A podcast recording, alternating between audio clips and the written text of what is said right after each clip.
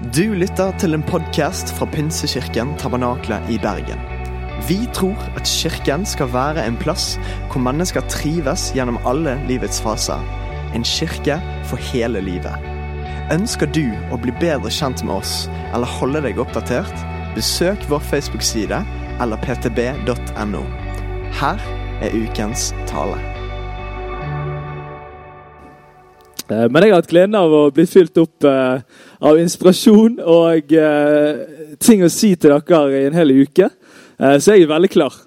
Eh, bare for å være litt tydelig på det. Eh, men det er ikke optimalt å løpe inn når eh, Teddy løper ut.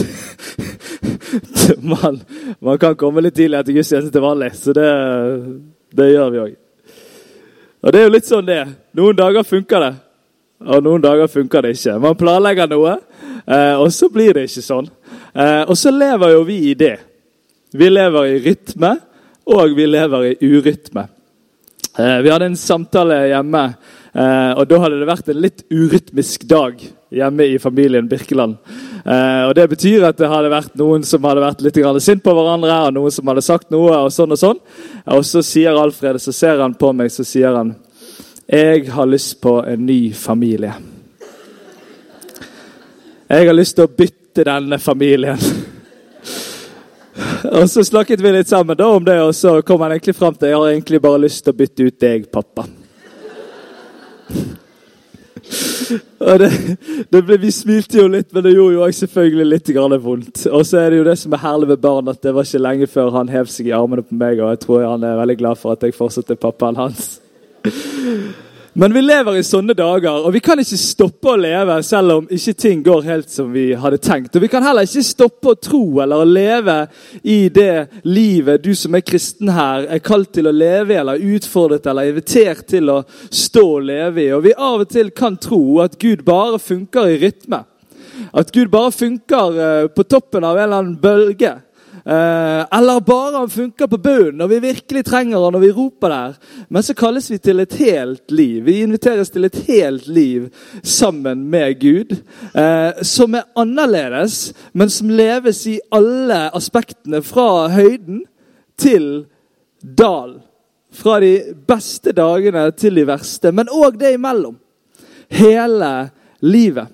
Og så tror jeg at vi har fått noe som gjør at vi lever og møter veldig mange av de samme tingene som andre mennesker, men vi får lov til å leve annerledes i det. Og Det er det denne serien handler litt om.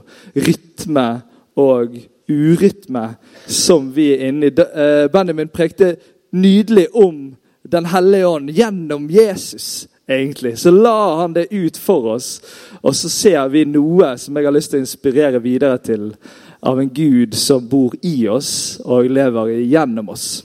Er du med på det? Bra. Vi har en visjon i denne kirken. og Den sier noe sånn som dette, at vi vil være et varmt fellesskap av Jesus-etterfølgere, sånne som følger etter Jesus, som inspirert av Den hellige ånd tilber Gud og bringer håp til mennesker. Og Denne inspirert av Den hellige ånd var det en ganske stor diskusjon rundt når jeg var med på visjonsprosessen i denne kirken. Det var noe av det første jeg var med på når jeg ble ansatt her, eller kom til denne kirken. Eh, og Da snakket vi om dette ordet. Hva skal vi si i forhold til Den hellige ånd? Skal ikke vi ha kraft? Skal ikke vi ha fylt av? Skal ikke vi ha noe annet enn inspirert? Det er bra nok, liksom. Å være inspirert av Den hellige ånd. Burde ikke man være noe mer enn det? Men da hadde vi en pastor i denne menigheten som var over gjennomsnittet teologisk orientert og, eh, og, engasjert. Og Han kunne da peke på at dette ordet 'inspirert' pekte videre på noe mer. Og Her er en type definisjon fra O store Wikipedia på internettet. Inspirasjon kommer fra latin 'inspirare' og betyr blåse, pust, ånde inn eller åndedrag. Og Derfor så tror vi at denne delen av å være inspirert av Den hellige ånd ikke handler om en eller annen møbelinspirasjon til å gjøre noe hjemme i sitt hjem, men som handler om at man er fylt av noe. Fylt opp av noe. Og Det peker helt tilbake fra skapelsen, når Gud blåser pust, livspust, inn i mennesket. Og så går det videre til når Jesus puster på disiplene og gir dem den hellige ånd.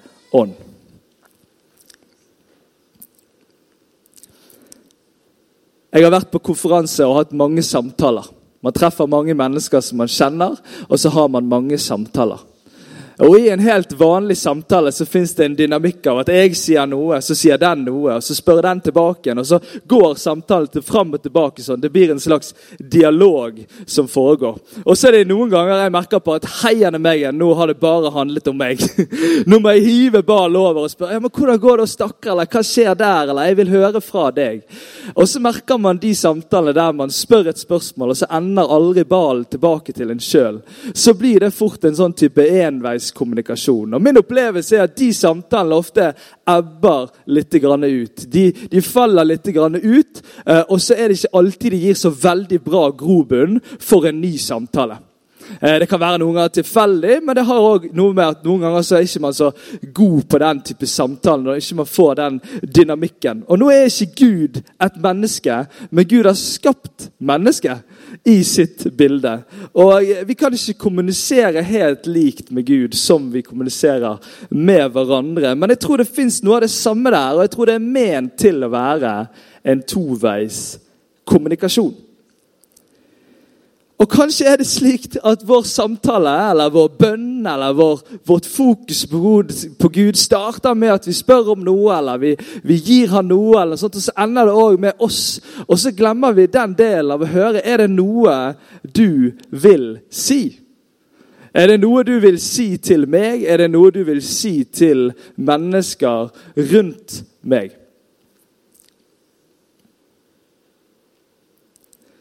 Jeg tror ikke vi har en Gud som ikke tåler at det noen ganger bare handler om oss. Han er veldig opptatt av oss. Så jeg er, ikke, jeg er, ikke, redd for det, men jeg tror vi går glipp av noe. For jeg tror på en Gud som helt fra tidenes start har ønsket å kommunisere med sine barn som han har skapt. Vi ser det helt fra starten. Jeg må ta et lite bakteppe. og da Gå litt kjapt igjennom, så bare liksom følg litt ekstra med. nå, så kommer det masse, masse krydder etterpå. Må bare gi dere lite sånn bakteppe. Er det greit? Alright. For Gud ønsker å kommunisere med mennesker. Og vi ser det helt fra starten av når den treenige Gud, altså Gud, Jesus og Den hellige ånd går rundt i hagen sammen med de første menneskene og lever i direkte kontakt kontakt og snakker med og har kommunikasjon med de første menneskene. Og Så skjer det et brudd. Mennesket velger det onde. Og så er det sånn at det starter en operasjon. En operasjon av å gjenopprette denne dialogen, denne kontakten, sånn som det var ment til å være. Og Så velger Gud ut et folk. Abraham ser på stjernene og ser at hei, så mange skal vi bli. Og så er det sånn at Gud taler gjennom utvalgte mennesker. Det var profeter, det var konger etter hvert. Det var mennesker som Gud utvalgte til å snakke gjennom de menneskene til sitt folk. Og de ble ofte salvet av Den hellige ånd. Vi ser det fra kongene, vi ser det fra profetene. At de skulle få Den hellige ånd, og så kunne de kommunisere med Gud og gi dette videre til folket som var Guds folk på den tiden. Og så er det sånn at Jesus kommer og går rundt på jorden. Og Plutselig er ikke Gud der oppe lenger. Plutselig er Gud på jorden og møter mennesket igjen. Går rundt der. Og Jeg er ganske sikker på at disiplene, når de begynte å skjønne dette, så tenkte de nå er vi endelig tilbake igjen til sånn som det skulle være. Nå går han her sammen med oss, nå kan vi snakke med han, nå er det akkurat sånn det skal være. Og Vi skjønner jo av skuffelsen i disse disiplene sine, sine øyne og hjerter når plutselig Jesus sier det kommer ikke til å vare evig. Jeg skal forlate dere. What?! Jeg skal forlate dere, sier Jesus. Og så er det sånn at han sier det er til og med bra at jeg forlater dere, for da kommer Den hellige ånd. Da kommer Den hellige ånd.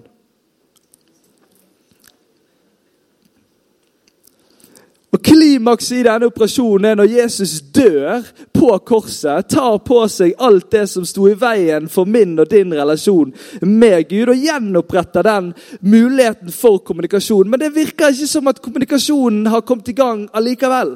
Disiplene sitter redde, innelåste, lurer på hva som skjer. Og så er det sånn at det er et stort switch, en stor endring, når de mottar Den hellige ånd og de går inn i det som var ment til å være her på jorden. Av å få lov til å være et vanlig menneske som tror. og få lov til å høre fra Gud og få lov til å ta det til seg og gi det videre. Og Jeg skal lese når dette skjer, i apostelgjerningene 2. 2, 1-13. Noen av dere har lest det før. Eh, noen av dere eh, har tenkt at jeg dropper å lese det, for eh, jeg forstår det ikke helt. Men jeg har lyst til å lese det høyt for deg, og jeg ønsker at du skal konsentrere deg om å ta imot her og nå, og ikke alle gangene du har hørt det tidligere. Da pinsedag kom, var alle samlet på ett sted. Plutselig lød det fra himmelen når en kraftig blind blåser, vind blåser, og lyden fulgte hele huset der de satt. Tunger som ild viste seg for dem, delte seg og satte seg på hver enkelt av dem. Da ble de fylt av Den hellige ånd. Og de begynte å tale på andre språk ettersom ånden ga dem å forkynne. De begynte å snakke et annet språk enn det de kunne. I Jerusalem bodde det fromme jøder fra alle folkeslag under himmelen. En stor folkemengde stimlet sammen da de hørte denne lyden. Og det ble stor forvirring, for hver enkelt hørte sitt eget morsmål, altså sitt eget språk, bli talt. Forskrekket og forundret spurte de, er de ikke bergensere, disse? Er det ikke galileere, disse som taler? Hvordan kan de ha, hver enkelt av oss høre sitt eget morsmål?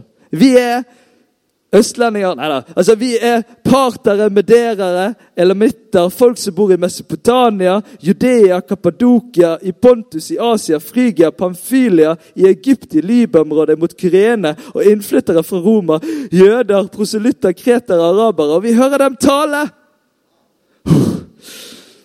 om Guds storverk på våre egne tunge mål. De visste ikke hva de skulle tro, og forvirret spurte de hverandre hva er dette for noe. Men noen gjorde narr av dem og sa de har drukket seg fulle på søt vin. Det fins type tre responser på pinsedag hos oss kristne. Det er de av oss som blir veldig opptatt av det kraftige brølet, ristingen, ildtungene, det uforklarlige. Hvordan kunne det skje? Det fysiske av opplevelsen det må ha vært og vært der. Noen av oss blir opptatt av at de fikk jo høre evangeliet, de fikk jo høre historien om den Gud som elsker dem har gjort alt for dem, på sitt eget språk. Og noen av oss har responsen på at det må være en annen forklaring. De må ha drukket seg fulle på vin, eller en eller annen logisk forklaring som jeg kan forstå med mitt eget hode.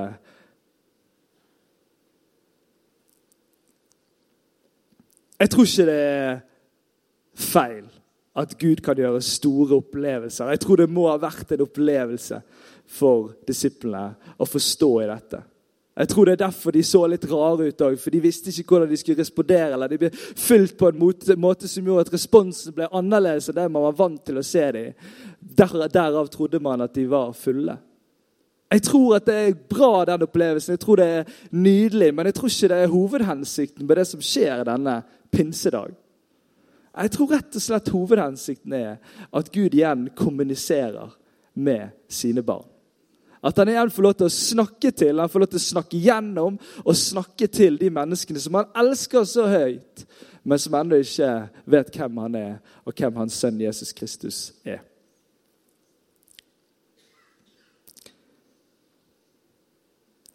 Og Det interessante er at eh, Gud virker ikke å ta vekk denne delen av at han snakker gjennom andre mennesker. Ja, han kan snakke direkte til meg og til deg, men det virker som at han fortsetter å beholde den delen av at han snakker igjennom mennesker. Og Noen ganger føler jeg at han peker på noe av kjernen av det å være menneske. Jo, man er avhengig av Gud, og man er avhengig av hverandre i det kristne fellesskapet. Akkurat så er det sånn at det skal fungere på den måten. Det skal være sånn. Vi skal ikke kunne bo i en trehytte alene og klare oss sjøl. Vi skal være i fellesskapet, for der kan man betjene hverandre og fortelle ting fra Gud til hverandre.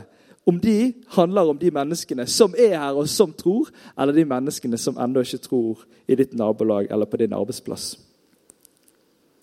Jeg har hatt gleden av i mitt liv at jeg har hatt mennesker rundt meg som har hørt fra Gud og fortalt det til meg. Og Jeg vil faktisk si det så tydelig at det har vært avgjørende for den reisen jeg har hatt fram til nå. Og jeg har nylige opplevelser av at det fortsatt er avgjørende. At noen i sin bønn ikke bare ber og roper til Gud, men stopper opp et sekund og lytter. Er det noe du vil si? Kobler seg på noe av det som Gud gjør, og så sender de en beskjed til meg på en eller annen måte. Jeg husker veldig godt i oppveksten i menigheten jeg vokste opp i.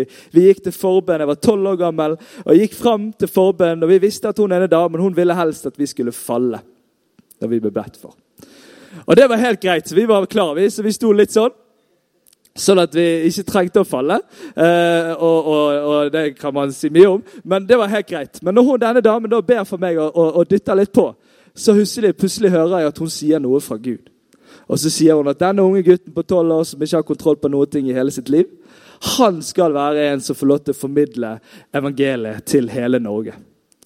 Og så husker jeg i går å fortelle det til min pappa, og så sier han det må du gjemme på ditt hjerte. Ellers hadde jeg aldri husket det i dag. Jeg husker lite fra jeg var tolv år. Men jeg husker dette, og så sier pappa igjen på det der i ditt hjerte. Og i mine perioder av livet der jeg har tenkt at det er ganske lang vei fra her jeg er nå, til at jeg skal være med og gjøre noe for Gud i det hele tatt. Men perioder jeg har tenkt at nå er dette valget så viktig. Skal jeg velge det eller det, så har jeg kunnet gå tilbake på et ord av å tro på at Gud har en plan over livet mitt. Og så har det hatt noe å si. Og så har jeg fått flere bekreftelser enn det, men det er et, et, et eksempel. Og så er det sånn at Når man står i lederskap i en menighet, så er man igjennom gode tider og litt vanskelige tider. Og Noen ganger så går man inn i ting fordi man har gjort noe dumt sjøl, eller fordi at noe skjer. eller et eller annet. Og det er sånn at I denne kirken har jeg en som sender meg melding. Og Når den personen sender meg melding, så sender den alltid melding i perfekt timing. Det er sånn at Den har ikke peiling til å forstå hvor viktig den meldingen er. Den har ikke peiling til å forstå hva jeg går igjennom. Men så kommer den meldingen inn, og så kjenner jeg meg sett og elsket av Gud. Og så er det ikke bare folk i denne menigheten, men jeg har folk i menigheten jeg vokste opp i, som ber for meg i den tjenesten jeg står i. Og En gang fikk jeg et helt brev av en som hadde fått et budskap fra Gud. Og Jeg måtte lese det brevet, og det bare forklarte akkurat situasjonen jeg sto i i mitt eget liv. Og forklarte akkurat hvordan jeg skulle stå i den videre. Jeg opplevde meg ledet av Gud gjennom andre mennesker. Og Jeg håper at du gjennom disse små dryppene her, jeg vet at i denne menigheten fins det endelig mange flere drypp og viktige hendelser av at mennesker har hørt fra Gud og sagt det videre. Men jeg håper vi kan inspirere hverandre her i formiddag til å begynne å lytte eller lytte mer. For hvis utgangspunktet er Følger dere meg nå, eller? Kjører på. Ja, det er veldig bra. Hvis utgangspunktet er at Gud vil si noe og vet alt om meg og alle dere her inne, så er det ganske spennende å skulle lytte til han. Og Nå trenger ikke du bli stresset, for det er ikke sånn sladderlytting vi holder på med. Der vi skal liksom si, har du hørt om det, har du hørt om det? Det trenger ikke du bli stresset for. Sånn er det ikke. For det videre så vet vi at når Gud i tillegg vet hva som er best for oss, han vet hva som er best for oss, og han vil det beste for oss, så blir det ganske så mye mer spennende og viktig. Og jeg tror det rett og slett er så enkelt som at vi begynner i vårt bønneliv å lytte vel så mye som vi ber. Vi dro til Italia som familie og hadde bedt lederskapet om en liten pause, en liten timeout, for å ta vare på hverandre og for å kjenne at vi skal få kraft og liksom, inspirasjon til den tiden vi skal gå inn i. Så vi dro til Italia, sør for Italia eh, i eh, oktober og var der i tre uker. Og Da la vi opp en dag sånn at vi skulle prøve at ikke det bare ble ferie, men at det ble strukturert, og at det ble det vi ønsket at det skulle være. Så hadde vi bønnestunder og samlingsstunder i løpet av dagen og hadde en rytme vi fulgte. Og Da hadde vi samlingsstund med barna, leste fra barnebibelen, og så ba vi sammen. Og så skulle vi alltid ha en god tid på å lytte. Og Da fikk Alfred lov til å gå og leke litt, og sånn, men meg og Marit skulle sitte og lytte. Og når vi kom noe til oss da, så skulle vi dele det med hverandre, og så skulle vi spørre hverandre hva skal vi gjøre med dette.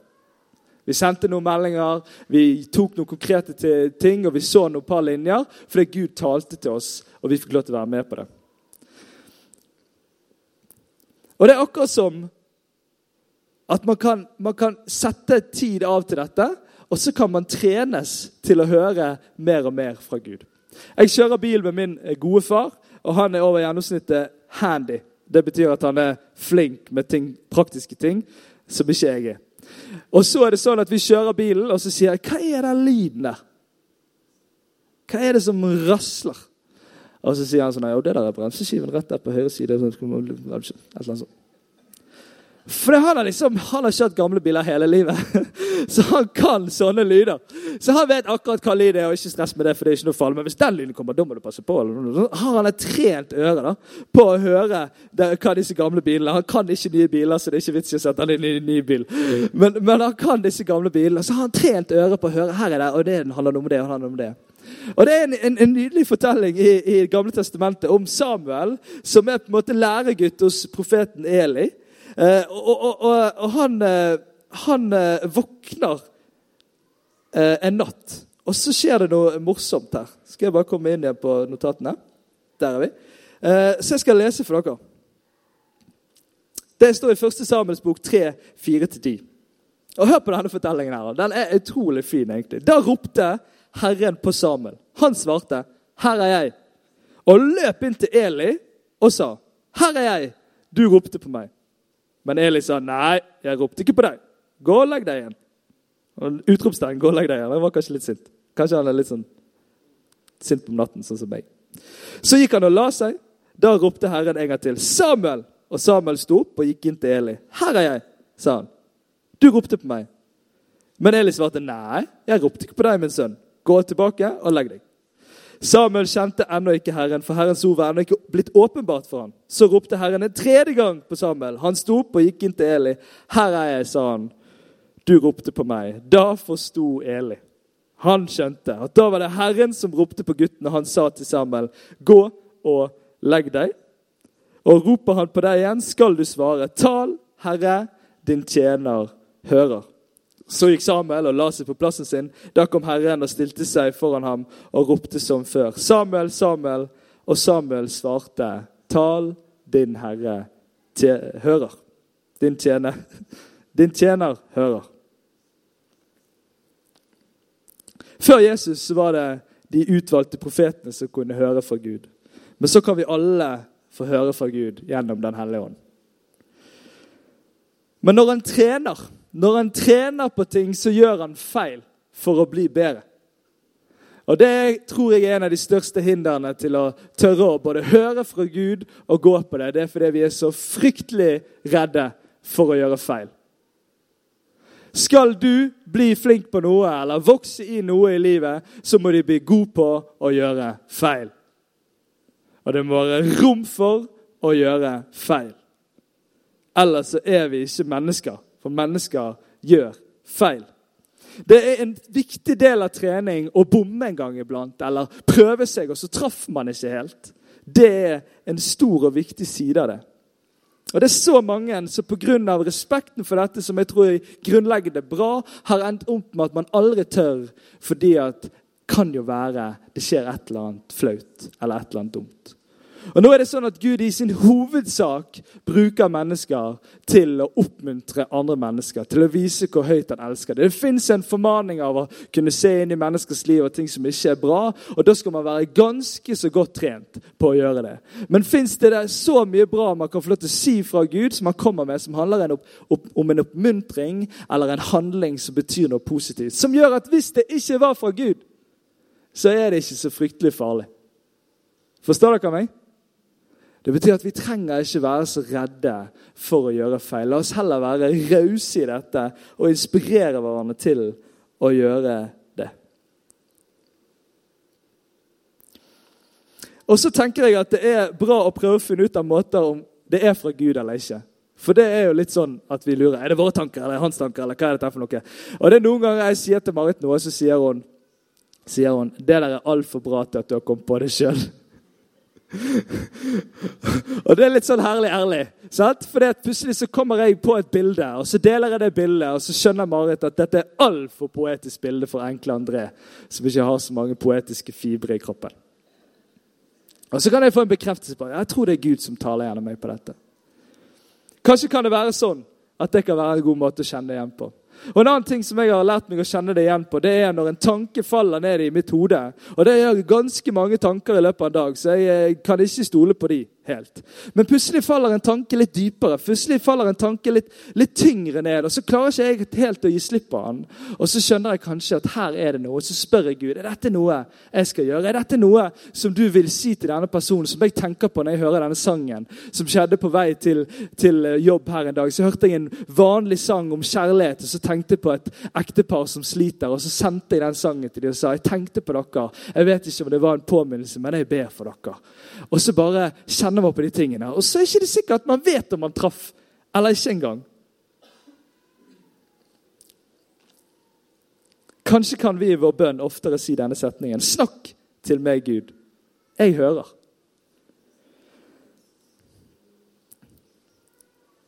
Men vi kan ikke bare høre, vi må òg handle. Og det er en ganske tøff del av det. Vi kan høre ting og kjenne på er det et eller annet her, og så skjer det et eller annet når vi tenker at ok, jeg vil gjøre det. Og så møter vi et eller annet i motstand. Både i oss, andre mennesker og i himmelrommet, tror jeg.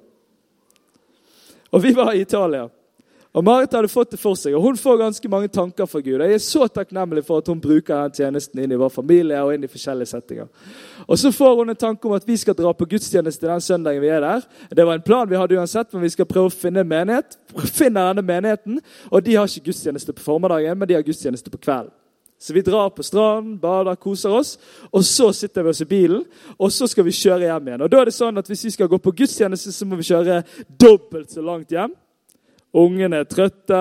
Vi vet at det sannsynligvis ikke er barnekirke der. Det er ganske mange ting som tilsier at det er mye lettere å kjøre den korte veien hjem, og så kan vi heller bare be litt når vi kommer hjem. Så vi begynner en type samtale på det. Marit sier jeg kjenner litt på det. Hva tenker du? Og jeg tenker sånn Jeg vil hjem. Vi har hatt en lang dag, vi er trøtte. Ungene Du skjønner, vi, vi må dra hjem. Marit, vi må dra hjem. Og så sier hun sånn Ja, men jeg kjenner litt. Og, OK, du får avgjøre det, sier hun da. Og så begynner jeg å, jobbe i mitt indre sant? og kjører, og begynner å kjøre hjemover. Og Da skjer jo det veldig fine i vår familie at, at Alfred, min sønn på da to og et halvt år, tre år, han sier sånn 'Skal ikke vi i kirken, pappa?' Og jeg sier litt sånn Ja, nei, altså nå ble det jo litt seint, og nå skjedde jo dette, og det ble jo bare sånn. Og så, og så sier han 'Jeg vil gå i kirken'. Og jeg bare Er det klikket? Og Når han sier 'jeg vil gå i kirken', så står det skilting til den byen der den kirken er. Og jeg svinger av i altfor høy fart, litt sint, eh, og kjører mot denne kirken. Vi går på gudstjeneste. Det er en, en liten pinsemenighet i, i, i, en by sør for Roma. Vi er på gudstjeneste der. Vi, vi føles litt rart i starten, men vi får sitte med siden av en som kan engelsk, og vi snakker litt sammen. Og jeg kan ikke legge ut alt, men det ender med at vi er hjemme hos den familien. Jeg preker på ungdomsmøter, og Marit deler noe til den forsamlingen søndagen etterpå som gjør at hele forsamlingen blir berørt og opplever seg sett av Gud. Eh, og, og, og, og, det er liksom bare sånn her, eh, det er det lille øyeblikket da, av at jeg kjenner på at jeg orker ikke det greiene der nå. Må du igjen, Marit, få noe fra Gud? Kanskje vi bare kjører hjem? Og jeg tror det er et eller annet som skjer når man hører fra Gud at det kommer en motstand. Jeg tror det er en motstand i himmelrommet av, av krefter som ikke vil at dette skal skje. Jeg tror det er noe i kroppen vår som sier Aah. Og Jeg har måttet bare bekrefte overfor meg og Marit at jeg kommer til å få en negativ følelse når hun sier jeg hører noe fra Gud. Og så kommer jeg til å forstå at da må vi gjøre det. Og så kan jeg velge over mine følelser. Men det fins en spenning som du møter når du går i Guds vilje. når Den kommer inn. Den må vi bare akseptere. Den er der, men vi kan droppe å la den la oss vike fra det vi skal stå. Vi kan heller stå gjennom det. For det letteste virker alltid å droppe det. Og du får en enormt kreativ argumentasjonsrekke på hvorfor det er lettere. Men det fins et potensial. Vi vet ikke hva det betydde for den kirken. det budskapet Marit fikk. Men vi vet at, at lederskapet brøt sammen i tårer, og at de var på en sted som kirke. Og Vi vet ikke om det fører til at vi skal gjøre noe i den kirken ved senere. Vi vet ingenting. Men allikevel så fins det et enormt potensial når vi følger det som Gud legger oss på hjertet. Og det blir et veldig spennende liv. Det blir ikke et lett liv, men det blir et veldig spennende liv. Så når vi hører fra Gud, så er det så utrolig viktig å faktisk handle på det. Ikke la det bare bli en impuls å kjenne på det, men la det bli en konkret handling ut av det. Når jeg velger å høre på Marit, og hun sier 'jeg tror dette er fra Gud', og jeg ikke gjør det, da har det veldig mange tendert til at jeg må gjøre veldig veldig mange flere ting enn jeg hadde trengt å gjøre. Det har vært alvorlige tilfeller der hun har sagt jeg har fått dette fra Gud. Og jeg sier ok, ok, men så glemmer jeg det litt, og så bare fikk jeg ikke til å gjøre det. Og så bare endte det opp med en enorm omvei for meg som personlig, og òg noen ganger i mitt lederskap i denne kirken. Det er den beste løsningen selv om det oppleves vanskelig der og da. Men jeg tror Gud gir oss flere muligheter, selv om vi ikke tar den ene. Vi hadde vært i Italia, vi skulle hjem igjen, og min, en i min familie fikk for seg fra Gud at hun skulle fylle opp kjøleskapet vårt. Eh, og Det var ingen eh, egentlig utgangspunkt for at vi trengte det. Vi hadde vært på rekreasjonstur i Italia og kost oss masse og skulle hjem igjen. Men det som skjer når vi kommer hjem igjen, er at Marit blir operert eh, et døgn etterpå. Vi kommer oss aldri på butikken, og vi sitter og spiser mye rart fra frysen og et eller annet. Og så får hun høre dette, så tenker han hvorfor gjorde jeg ikke det? Hvorfor fylte jeg ikke opp det kjøleskapet? Det var litt vanskelig. Hun bor langt vekke og skulle kjøre bort der. Hun visste ikke helt hvorfor Gud hadde sagt det til henne. Og så skjønte hun etterpå. Selvfølgelig. Og så sa vi til hverandre når hun fortalte det. Ja, men la oss bare la oss bli inspirert da, til å gjøre det neste gang. Og ikke grave oss ned og si sånn 'Å, men de skjønte det ikke, og de vil ikke gjøre det igjen.' Men det var tull!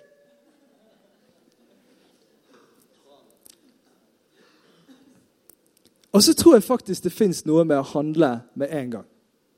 Jeg merker det. Øyeblikket går over. Da jeg var i et eller annet, og så gikk jeg ikke på det. Og så prøver jeg å finne tilbake igjen. og så Var det noe egentlig noe? Skal jeg noe egentlig? Og så blir det sånn, Handle i øyeblikket. Sende den meldingen. Gjøre den handlingen. Gå fram og si det budskapet. Og så må vi leve med at vi noen ganger aldri vet hva det førte til hva frukten var av det. Om det ble noe eller ikke. Men det er gleden av å så. Da vet man ikke alltid hvem som høster, og når det høstes, eller hva som skjer.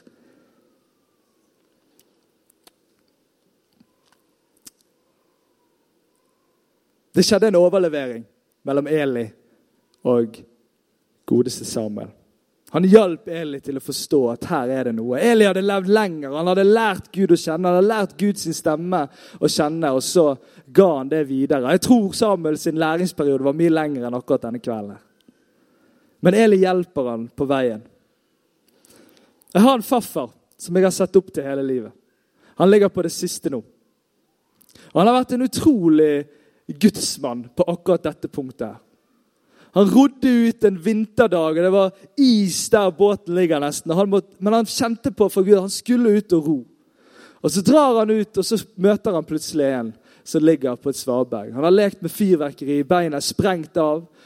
Og Så får han lov til å ro denne mannen til ambulansen. Og så redder han et liv. Og Så kjører han bossbil en dag, og så plutselig så ser han at her har det skjedd en kollisjon. En bil har falt i vannet. Og Så løper han ut, løper ut, klarer å redde den ene sjåføren. Og så er det sånn at den andre kvinnen som satt med siden av, får ikke han opp beltet, og så begynner bilen å synke. Og så får han rop til denne kvinnen. Rop på Jesus. Og så roper denne kvinnen, og så synker bilen, og så kommer denne kvinnen mirakuløst opp igjen. Og så skjer det et eller annet. Og så reddes det livet. Og så vet jeg at denne mannen valgte å stå i bedehuset i Blomsterdal. Han var den eneste som hadde tunger, han var den eneste som hadde tydning. Han fikk ikke lov av lederskapet, men han reiste seg og hadde tunger og tydning. Men, han, men folk skjønte etter hvert at han her har med seg noe. Og så har han vel levd et liv. Og så kjente jeg på det nå når han begynte, og så fikk Marit en tanke. Og da skjønte jeg at nå må jeg gjøre noe. For da fikk hun en tanke. Du må gå til han og be han be for deg. Og Så går jeg opp til han, han ligger på soverommet, han har ikke vært oppe på sengen på lenge. Han har begynt å rote litt i tankene. Og så er det sånn at jeg står der foran han, og så sier jeg Du, farfar, du, du vet den fortellingen om, eh, om eh, Elia og Elisha? Elia er den erfarne profeten som lærer opp Elisha. Og Så blir det en samtale helt på slutten der Elia spør Elisha hva kan jeg gi deg før jeg drar. Og så sier Elisha noe så hovmodig som 'jeg skal ha dobbelt opp' av det som du har. Jeg vil ha dobbelt opp av det nå. Og Så forteller jeg denne fortellingen til min farfar som ligger der, og, og, og, og han eh, rister. og han, eh, Jeg lurer på får han med seg hva som skjer. Og så spør jeg kan du be for meg. Jeg vil ha dobbelt opp av det som du har hatt. Og så plutselig så går den ristende hånden, den skjøre mannen Plutselig bare ser du han strammer seg opp, og så tar han tak i armen min. Og så kjører han på med tunger. Så tydelig. Jeg har aldri hørt han snakke så tydelig nesten noen ganger. Klare tunger som ropes ut, og en tydning av et budskap inn i mitt liv. Dette er bare noen uker siden. Og så skjer det noe. Jeg vet ikke konsekvensen av det. Jeg vet ikke om det liksom forløste noe i mitt liv ordentlig. Men jeg, men jeg vet at det var et eller annet jeg trengte, og som Gud ville gi meg der og da. Og så oppsøkte jeg noen som hadde gått lenger. Og så sa jeg, kan jeg få? Kan du gi videre noe av dette? Og Det som ble litt skummelt i den samtalen, var at min farfar ble veldig opptatt av at det som står på slutten av at uh, Elisha må se Elia dra for å få det. Og Jeg var veldig bekymret for at han kom til å dø akkurat der. Han døde ikke, han lever fortsatt. Men han hang seg litt opp i det der etterpå. Men det ble egentlig bare en morsom greie. da. Uh, men vi snakket noe lydere sammen, og så, og så tror jeg at vi i denne menigheten her, som har denne fantastiske gleden Jeg hørte nettopp en historie fra denne kirken her, der det var en som avbrøt en preken for å komme med et tungetalebudskap. Og Det var ingen som forsto noen ting, og ingen hadde hørt han snakke i de tungene i det hele tatt. Og så sitter to søramerikanere på bakerste rad og skjønner ingenting. Hvorfor snakker han vårt språk? Hvorfor snakker han et indianerspråket fra dypt inne i de chilenske skoger? Denne kirken ikke lenge siden, men det var så lenge siden at Eldsterådet satt på scenen og kunne avbryte prekener. Og Så skjer det noe. så får de høre et budskap, så blir de truffet, og så skjønner de ingenting, og så blir de berørt, og så skjer det noe ut ifra det. Vi må ikke respondere på pinsen med å si at det må finnes en eller annen logisk forklaring. For når vi lever med Den hellige ånd, med Gud på innsiden, så fins det ikke alltid en logisk forklaring. Det fins en logisk forklaring i Guds øyne, med hans overnaturlige kraft inn i menneskers liv, men ikke alltid i vårt hode. Og det trenger meg og min generasjon spesielt å forstå.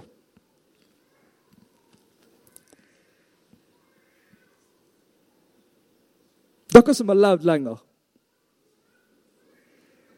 dere må spørre de unge i denne menigheten. Hva kan jeg gi dere? Hva trenger dere fra oss? Og Vi som er unge i denne menigheten, vi trenger å frimodig svare. Jeg vil ha noe av det som du hadde. Jeg vil ha mer av det. Og det er ikke stygt gjort å si det. Det er ikke respektløst å si at jeg vil ha mer enn deg. For det er ikke det at man sier at ikke du hadde så mye. Man bare tror på en Gud som skal gjøre større og større ting. Bare tro på at det fins mer og mer og mer og mer. At det er den veien det skal gå.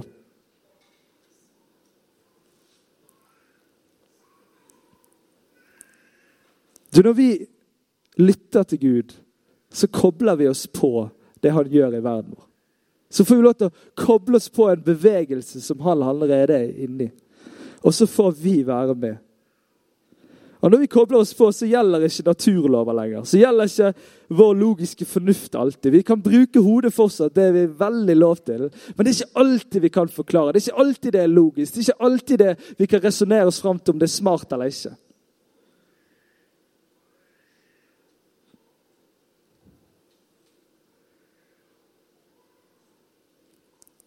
Men noe av det aller sterkeste med å lytte fra Gud, det er at Gud får, på den måten som jeg har opplevd noen ganger, at Gud får lov til å fortelle på en konkret måte hvor høyt han elsker deg. Hvor nært han er deg. At han ser deg i det som du står i. Og Når vi lytter til Gud, så blir vi så ofte en del av en bønn som blir ropt ut en eller annen gang. Hvis du er der ute, Gud, vis deg. Pling kom meldingen opp et eller annet. Vi får være med og være bønnesvar. Du, la oss komme fram her. Vi skal gå til avslutning.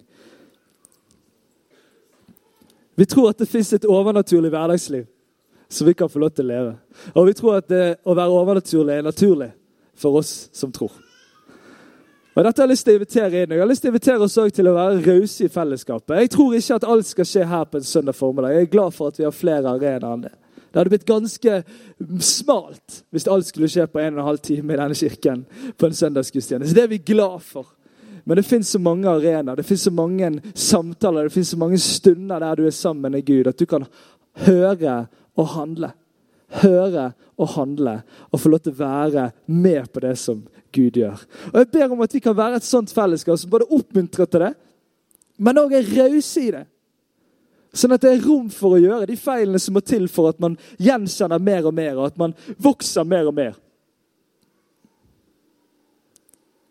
Dette er ikke for noen. Det fins noen som har ekstra gave på det, ja, men det er for alle å få lov til å tale. Håper vi både til seg sjøl, gjennom at den ånden snakker til oss, men òg at vi får lov til å snakke inn i andre sine liv.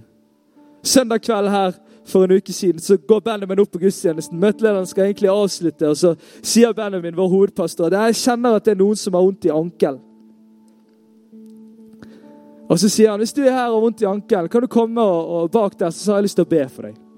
Så står jeg bak her, for jeg òg er med litt i forbund. Det var mange som ville på, til forbund den dagen der. Og så er det sånn at, at den jenten, jeg ser det går en jente haltende til forbønn. Og så ber jeg en bønn. Gud, la det skje. La det skje. Jeg vet ingenting. Jeg går ned i kafeen, står i køen, kommer en dame bak meg som lyser. Ser jeg at det er hun samme? tenker jeg skal ikke spørre. Jeg, jeg, hun vet ikke om jeg vet. Jeg spør hvordan går det. Så bare, jeg har hatt en helt syk dag. Det er positivt på ungdomsspråket. Jeg har aldri opplevd noe lignende. Aldri kjent på noe lignende. Hva skjedde? Og så sier jeg ja, jeg så at du gikk til forbønn. Og så forteller hun at hun ble helt frisk i ankelen. Og så skjer det noe, da. Ikke fordi at Benjamin er helt vanvittig bra sånn som han er. Men fordi han var lydig, hørte og gikk på det. Og så fikk hun en mulighet til å både bli frisk fra noe, men først og fremst kanskje bli møtt av Gud på en sterk måte.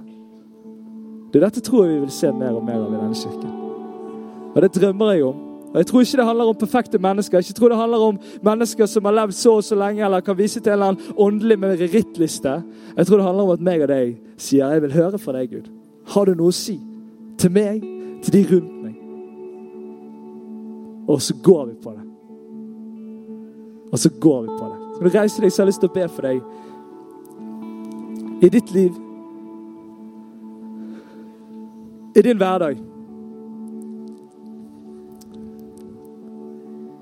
At dette skal få lov til å vokse mer. Om det er en del av deg allerede eller ikke. Men det skal få lov til å vokse mer.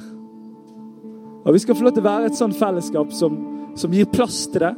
Når vi er samlet i smågruppene, når vi er samlet til uformelle samtaler, eller når vi òg er her på gudstjenesten i det systemet vi har her, så skal vi få lov til å vokse i dette sammen.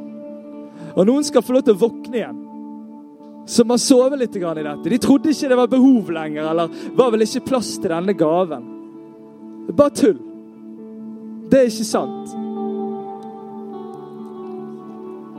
Og noen skal få lov til å oppdage noe helt nytt. Jeg har bare lyst til å be. Himmelske, gode Far. Du som har sendt din sønn for å gjenopprette alt som ble brutt. Og du som har sendt Den hellige ånd, så vi kan leve i fellesskap med deg og få lov til å være med på det som du gjør i denne verden. Gode Gud, nå ber jeg for hver enkelt av oss. At vi skal få lov til å gå inn i dette med hevet hode. Ikke fordi at vi får noe til, eller fordi vi har noe å vise til, men fordi at vi kan få se på deg, Jesus. Og det som du har gjort, og det som du kan vise til, av å ha dødd og stått opp igjen og ordnet opp i det hele. Og Nå ber jeg den frimodigheten over hver enkelt av oss, Herre. Jeg ber om den kraften over hver enkelt av oss, Herre. Jeg ber om kraft til å handle selv om det blir spenning og motstand, Herre. Jeg ber om frihet til å handle selv om det blir motgang og, og eh, folk som tror at man eh, holder på med noe helt annet. I ditt navn, Jesus. Kom, Hellige Ånd. Kom, Hellige Ånd, og fyll dette stedet. Kom, Hellige Ånd. La dette stedet bli fylt av din ånd. Det er ikke noe skummelt, det er ikke noe rart. Det er naturlig. Det er du, Gud, som kommer og er nær. La det vekkes opp igjen noe som har vært ligget nede her. La det starte noe nytt, Herre.